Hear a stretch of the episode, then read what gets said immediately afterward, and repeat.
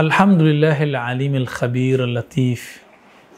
Alhamdulillah, summa alhamdulillah, summa alhamdulillah.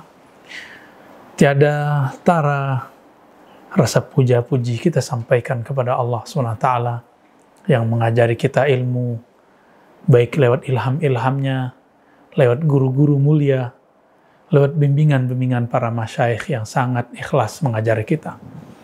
Sahabat-sahabat yang melakukan Allah, ada satu persoalan di setiap masa, yaitu membaca Al-Quran, memahami Al-Quran, dan menafsiri Al-Quran. Hari ini banyak orang mengira ketika dia sudah bisa bahasa Arab, lalu dia sudah dianggap mampu menerjemah bahasa Arab, berarti dia mampu menafsir Al-Quran. Hari ini bahkan lebih parah lagi, banyak sekarang kumpulan-kumpulan kelompok-kelompok pembaca Al-Quran, penerjemah Al-Quran. Kita senang melihat kelompok-kelompok ini, tapi kita khawatir satu hal. Apa yang kita khawatirkan? Diskusi mereka hanya berpegang kepada buku-buku terjemahan Al-Quran, tidak kepada buku tafsir Al-Quran. Pertanyaannya, samakah tafsir dengan terjemah? Teman-teman yang Allah, tafsir dan terjemah dua-duanya adalah bahasa Arab. Tafsir artinya menjelaskan yang berkaitan dengan lafaz yang tampak dari satu teks Al-Quran. Sedangkan terjemah adalah naklul lafaz ila lafzin akhar. Menukil, memindahkan lafaz ke lafaz yang lain. Baik dalam bahasa yang sama ataupun bahasa yang berbeda. Maka ulama kita menggabungkan dua ini. Ada yang disebut tafsir, yang benar tafsiriyah. Ada yang tafsir disebut tafsir terjemah. Atau dibalik, ada terjemah pemindahan bahasa, translation, ada terjemah yang disebut terjemah tafsiriyah. Di Indonesia ada lembaga hebat yang mengepalai ini, yang yang menjaga ini.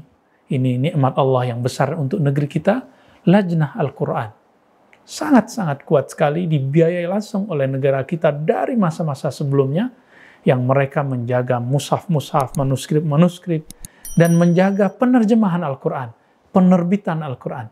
Salah satu yang mereka jaga adalah ketika ada orang menerjemah Al-Quran, dilihat apakah terjemahannya maknawi, maka disebut terjemah tafsiriyah.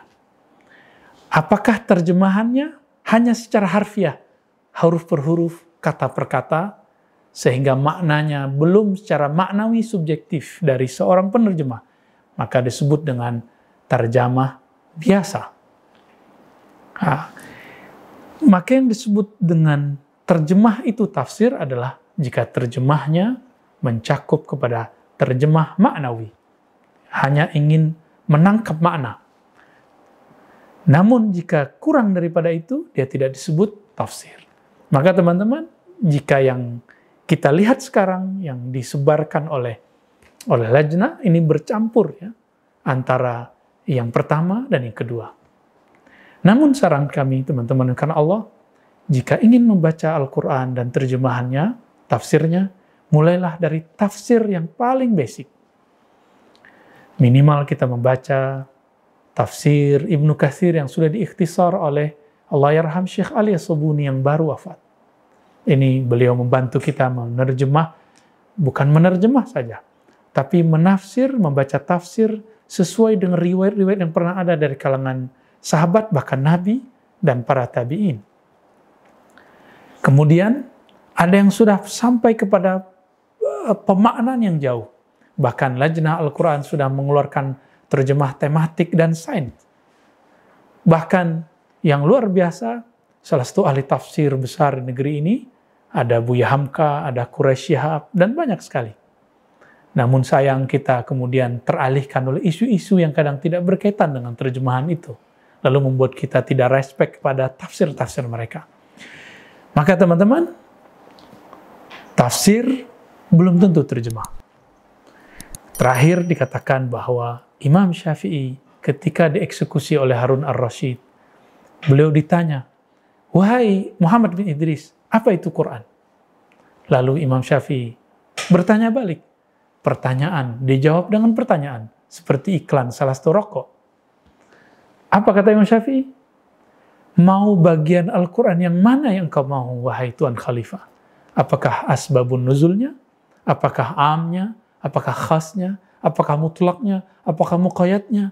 Apakah, apakah? Sehingga sang khalifah pun bingung.